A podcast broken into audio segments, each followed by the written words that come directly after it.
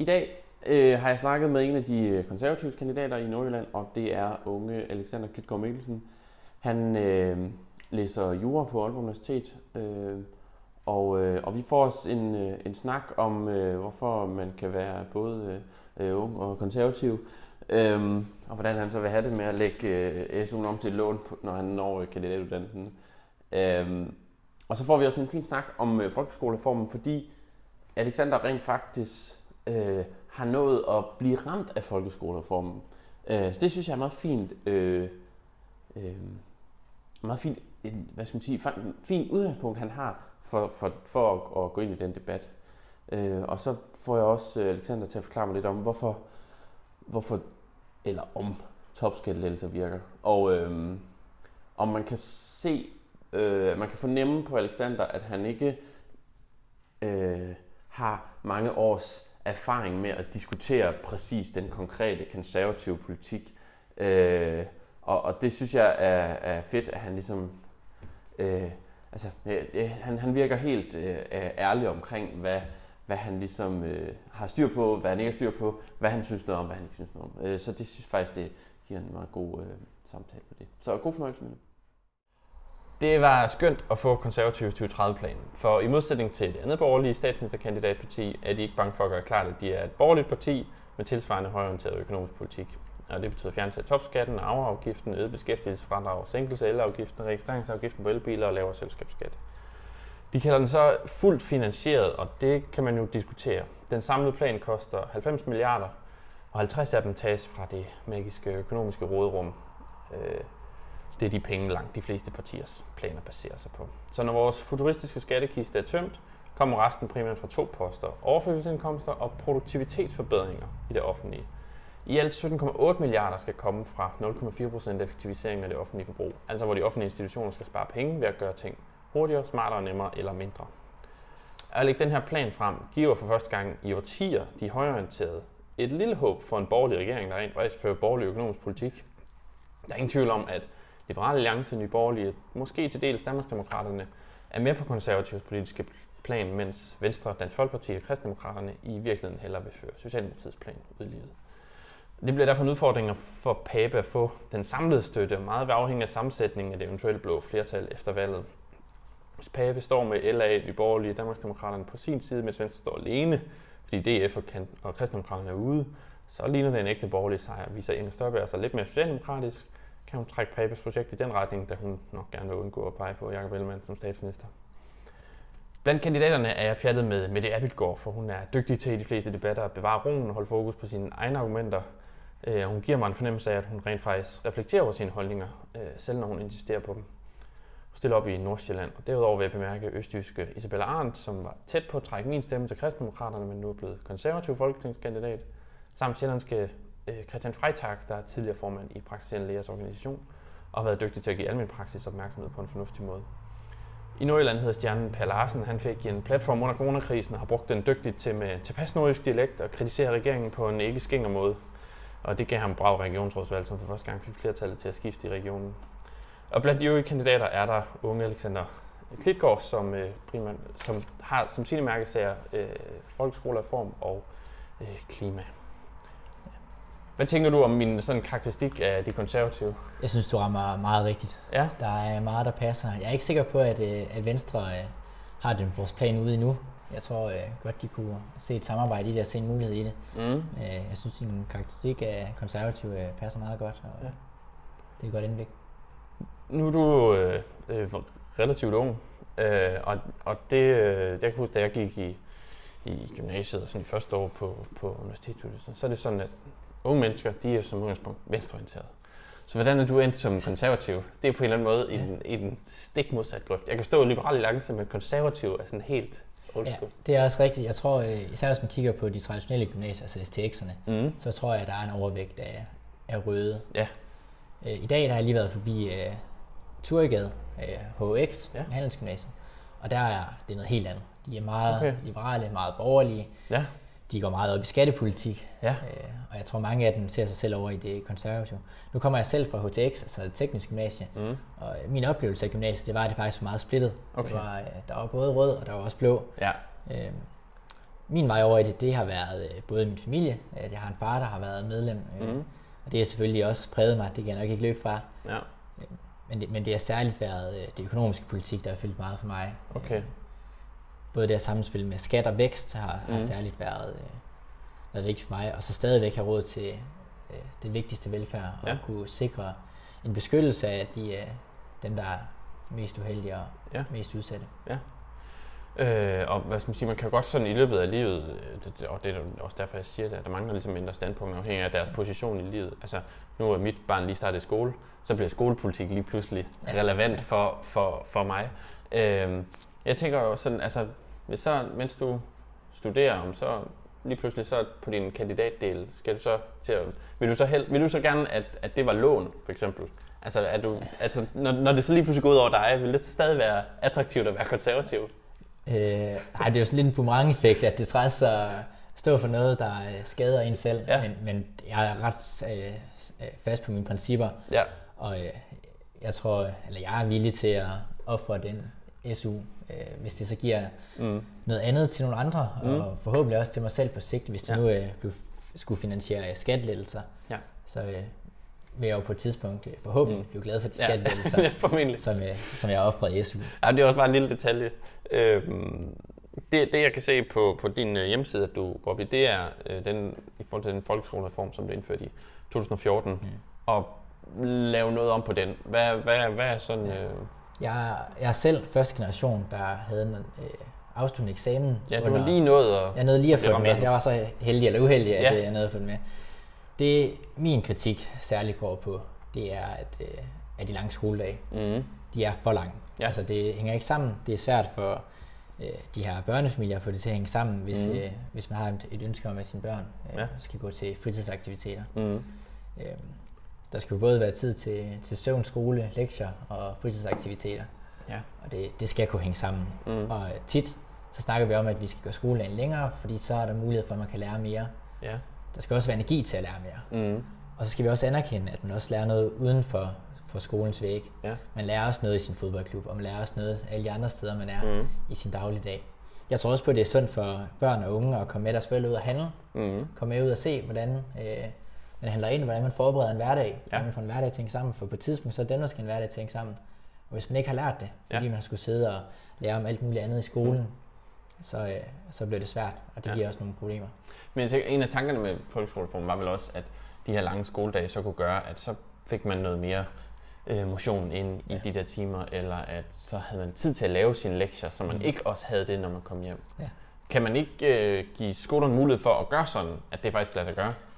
Jo, og jeg tror også, øh, for nogens vedkommende, så er det en fordel at få hjælp til lektier i skolen, mm. altså sådan en tvungen lektiecafé. Ja. Men jeg tror for de fleste, så har de forældre, der er i stand til at hjælpe dem godt ja. med deres lektier. Og også øh, være med til at give dem en en-til-en undervisning derhjemme, ja. øh, som gør, at de får, forstår stoffet bedre, øh, ja.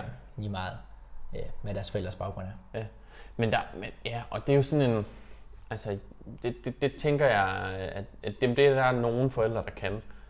Øh, men jeg tænker også bare, at der, der er en stor gruppe, som, som, som ikke har altså, ressourcerne, både kognitivt og tidsmæssigt overskud i hverdagen, til at hjælpe øh, børnene med det sådan faglige i det. Altså de kan hjælpe med ja. det, det, der, det, de sådan skal, skal lave. Ja. Øh, hvor, hvor jeg i hvert fald, tanken med folkeskolereformen, som, som jeg i hvert fald forstod i sin tid, var i hvert fald, at, at så skulle man, så skulle man have mulighed for at hjælpe børnene der. Altså, at, tænk, tænker du sådan som, nu har vi haft den i hvad, 8 år eller sådan noget, at, er det, ser det umuligt ud? Altså kunne man, eller, altså, er, er, er, mener du, at, at vi skal tilbage til sådan de kortere skoledage og sådan noget? Eller kan det andet på en eller anden måde lade sig gøre? Ja, altså, der er jo fordele ved skolereformen, og det har jo sikkert hjulpet nogle af dem, der mm. ikke har haft mulighed for at få lektiehjælp hjemme. Ja. Problemet er, at man har lavet sådan en uh, one size fit all model. Ja. Det er ikke alle, der havde brug for det. Det er mm. faktisk måske endda få, der havde brug for den ekstra lektiehjælp mm. i skolen. Og desværre så er det jo så gået ud over de mange, som egentlig havde gode forudsætninger for det derhjemme. Ja. Mm. Ja, så der er jo desværre, eller heldigvis været lidt vinder på det, men der har desværre også været for mange tabere på skolereformen. Der er ja. for mange elever, der taber på det. Ja. Altså så, så lidt kortere skoledag, lidt tilbage til, til sådan de, de lidt færre timer. Ja. Øh, hvad, hvad, hvad ellers er der sådan af udfordringer, synes du, i, i folkeskolen, som den ser ud nu? Altså hvilke andre, ja. andre områder skal man I, gøre noget ved? Hvis, hvis vi også skal tage noget ud over det mm. faglige, så er trivsel også en kæmpe udfordring. Ja. Øh, unge mistrives som aldrig før. Mm. Altså det er et kæmpe, kæmpe udfordring. Og der er vi nødt til at hjælpe de unge til ja. at have bedre trivsel. Mm. Og der, der nu, man kan give skoler for dem skylden for meget, og jeg tror også, skal lidt af skylden for det her. Ja. For at du har så meget tid i skolen, gør, at du, øh, du ikke har tid til alt det, du også synes er sjovt, og alt det, du skal lære derhjemme. Mm. Øh, og, det, og jeg tror også, det er skadet og har givet mistrivsel. Men vi er også nødt til at lave nogle øh, flere indsatser, mm. som gør, at vi kan hjælpe de unge, der ikke trives. Altså, der er simpelthen for mange unge. Ja, hvad for eksempel? Hvad skal man gøre? Øh, altså for det første, så, øh, så er der blevet lavet den her gratis psykologhjælp, og det er så ikke relevant for folk under 18. Nej. Men gratis er ikke lige med, at det er godt. Nej. Øh, når vi gør det gratis, så øh, stiger ventelisterne. Nu er ventelisterne mm. så på to år, ja. og det aller værste heroppe i Nordjylland er psykiater. Ja. Øh, så det er aller værste heroppe i, i Nordjylland. Mm. Og når vi gør det gratis, så er der for mange, der søger hen, og så kan har vi ikke mulighed for at prioritere. Nej. Og vi er nødt til at prioritere, når der ikke er bedre ressourcer. Ja. Så er vi nødt til at tage de sager, der er hårdest øh, først. Okay. Men så i selve, i selve skole, altså den tid, børnene har i skolen, tænker du, der er noget, der skal, skal laves, laves om der strukturelt? Jeg var inde og kigge på, på øh, konservativt har et forslag omkring, hvordan man kan, kan lave om på skolen. Der er blandt andet sådan noget med, øh, hvad man kan kalde en form for virksomhedspraktik i, i udskolingen, at man har nogle dage eller noget sådan længere tid, hvor man har det sådan. Er, er det så noget, du tænker, eller er der andre, andre indsatser, man kunne lave? Der, der er helt sikkert også andre indsatser, men erhvervspraktik øh, er, er et mm. vildt vigtigt redskab, vi kan ja. bruge. Fordi de unge mennesker går ikke i skole øh, kun for at lære ting, de skal også lære noget, de kan anvende. Mm. Og der er de nødt til at komme ud og se i, øh, i det, der er uden for skolens ja. væg, hvordan øh, det bliver anvendt, ja. og hvordan man bruger noget af det, de har lært konkret i øh, virksomhedsarbejde. Ja. Jeg var selv i praktik ude ved Siemens, mm. og der fulgte jeg rundt med, med nogle ingeniører. Jeg troede, jeg skulle være ingeniør, da jeg gik i folkeskolen. Ja. Og det var en kæmpe oplevelse at få lov at se, hvordan jobbet så ud. Det var ikke det, der skræmte mig væk, men det var fedt at se, øh, ja. hvordan øh, hverdagen hang sammen derude for deres ja. øh, medarbejdere. Mm. Okay, og altså, og ja, så er det jo selvfølgelig en diskussion af, at skolen skal med til at danne unge ja. mennesker, hele mennesker, og ikke kun det, sådan, sådan det fagfaglige, at de skal lære matematik og, og, og alt sådan noget. Øh, at du tænker, at, at der, kan man, der kan man vinde noget på det i forhold til de, både, både til hvordan de har det, ja. og hvordan er nogle borgere, samfundsborgere, der kommer ud på den anden side, eller? Ja, altså det er helt sikkert så, øh, jeg tror, hvis vi laver erhvervspraktik, så er der både et dannende aspekt og et uddannende aspekt. Mm. Der er det dannende i, at man får ud af, hvordan øh, verden hænger sammen. Man mm. ser øh, noget bredere på det, man ja. oplever en bredere del af samfundet. Og så er der den øh, uddannende del, man lærer også noget konkret om erhvervspraktik. Ja. Hvad skal det så stå i stedet for? Altså, hvad skal tages ud af skoleskemaet, tænker du? Det er Fordi det er jo, det, er, sådan ja. er det jo, især ja, ja. hvis du har kortere, altså færre ja. timer gamle. Ja. Øh, tit så øh, kan man jo sige, at erhvervspraktik er noget, der gavner i mange fag. Mm. Så, så for mig så handler det jo ikke om, at man skal nødvendigvis droppe et bestemt fag, fordi mm. man skal i erhvervspraktik. Man skal måske bare skære ned på flere fag. Ja. Så det kan godt være, at matematik må ofre nogle timer, dansk må ofre nogle timer, og historie og de andre fag, de må ofre lidt timer, for at det er muligt at have en uges erhvervspraktik for eksempel. Ja. Fordi det, det erhvervspraktik, eller efter man vælger selvfølgelig, er jo noget, der gavner i mange fag. Ja. Ja. ja. Okay. Okay. Øhm, jeg kunne vildt godt tænke mig at snakke med dig om, om topskat. Fordi det ved jeg, at øh, altså, konservative har lavet den der 2030-plan, hvor det ja. blandt andet at tanken var at sænke, øh, nej, hvad hedder det, hæve topskattegrænsen, og til sidst så fjerne ja. topskatten helt. Øh, det er jo sådan en skat på, som vi husker, 15 procent, som kommer på, når man tjener over et vist beløb om året. Øh, og øh, jeg kan ikke huske, om jeg har, har læst dig bruge det, eller det kun er på konservativ hjemmeside. Det bliver kaldt sådan en misundelseskat. Ja. Prøv, prøv lige at, at beskrive, hvad, hvad, hvad, hvad, hvad mener du med det, hvis du bruger det udtryk? Ja. Altså, jeg, jeg kan også godt selv bruge det udtryk, ja. jeg tror ikke selv, jeg har, øh, har brugt det så meget endnu. Nej. Øh, men, men misundelse stammer jo fra, at der er nogen, der misunder de goder, som de mest, øh, dem med, med højest løn, de har. Mm. Det er jo eksempel være, at man ser, at de har fede biler, øh, gode boliger, ja. og så tænker man, det, det skal simpelthen ikke være rigtigt, at de har råd til det, og jeg ikke har råd til det, og misunder dem. Tænker du, det er baggrunden for, at man har indført det? Det, jeg håber det godt nok ikke, og jeg er også svært ved at forestille mig, at det er udelukkende derfor, man har indført. Jeg tror desværre, der er en vis sandhed i det, at man tænker, at der er nogen, mm. der har det for godt også. Ja.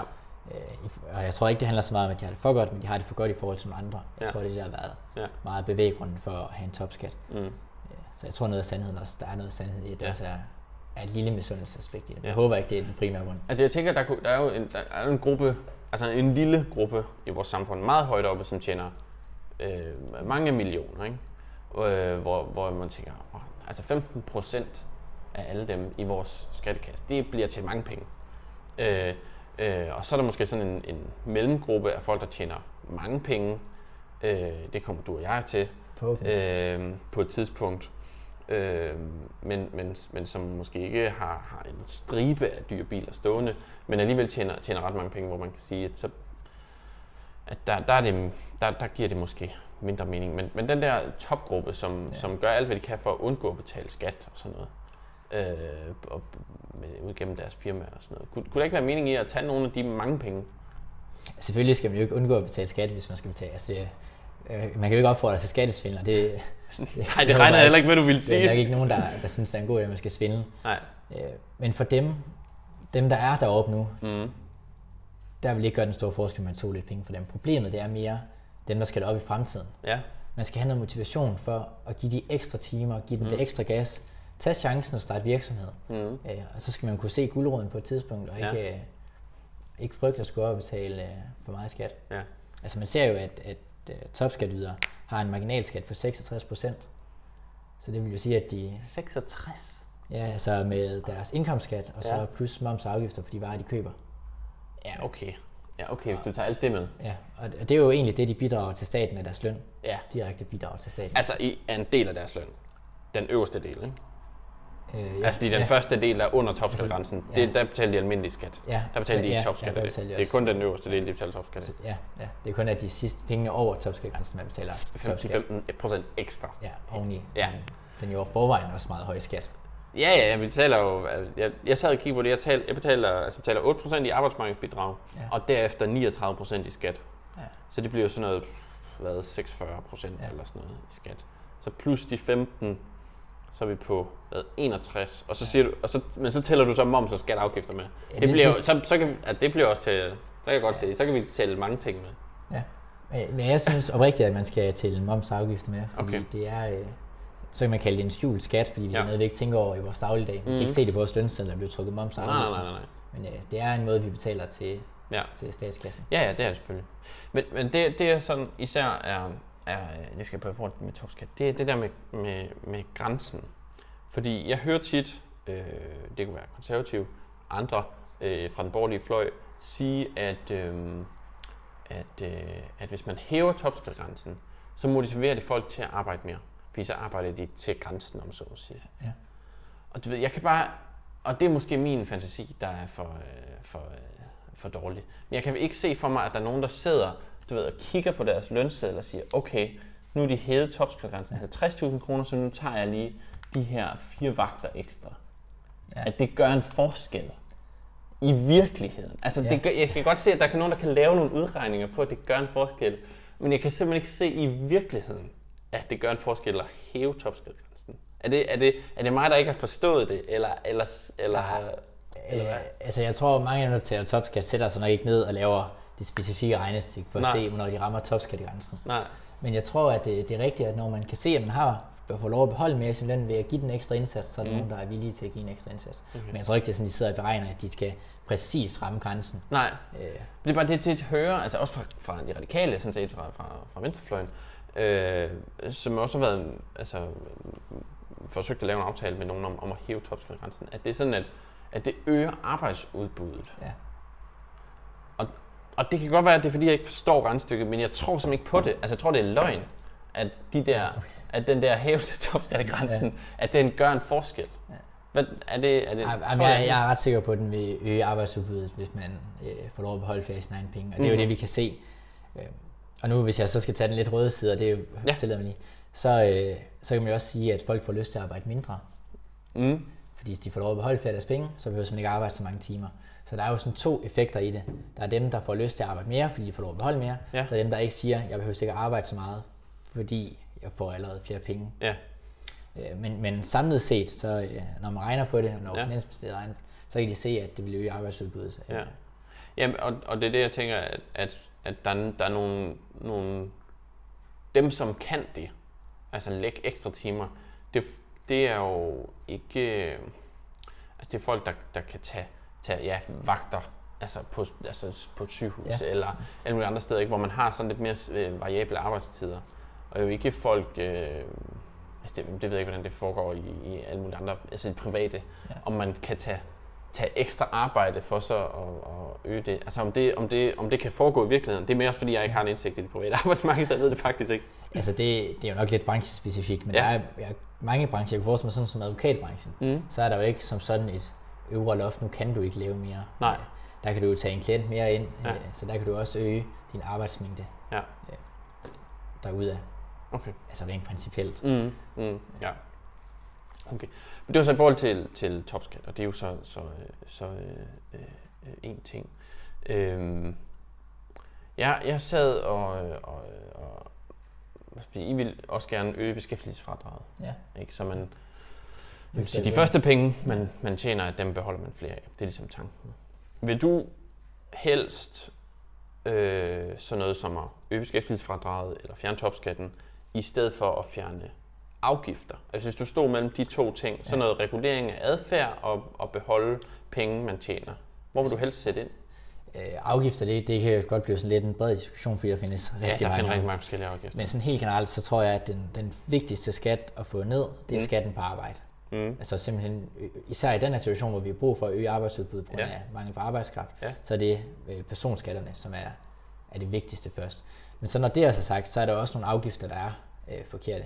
Mm. Nu har jeg snakket med en, som øh, arbejder inden for isbranchen, ja. og der betaler man en afgift på luft i is, og det ja, virker sådan... Ja, det der luft i soft ice. Ja, sådan det virker ja. sådan lidt... Det er sådan en absurd ting. Ja, og der er også nogle afgifter, der simpelthen er, er for besværlige, mm. altså, øh, så de, dem skal vi også have med. Men først og fremmest så øh, skatten på arbejde. Det, okay, det vil du hellere. Det vil være min første prioritet. Ja, ja, skat på arbejde, om det så er et beskæftigelsesfradrag, eller, eller selve skatten, eller topskatten. Ja. Det vil du hellere øh, prioritere. Ja. Fordi jeg tænker, og det er sådan en, sådan en venstreorienteret socialistisk tankegang, at man med afgifter kan du ved, bevæge folk i en eller anden retning, forbrugermæssigt øh, og sådan noget. Øh, øh, hvor øh, jeg har talt med, med, med en fra Liberal Alliance, som var altså sådan, altså virkelig bryder sig om det med afgifterne, fordi øh, folk skal have frihed, frihed til selv at vælge. Ja.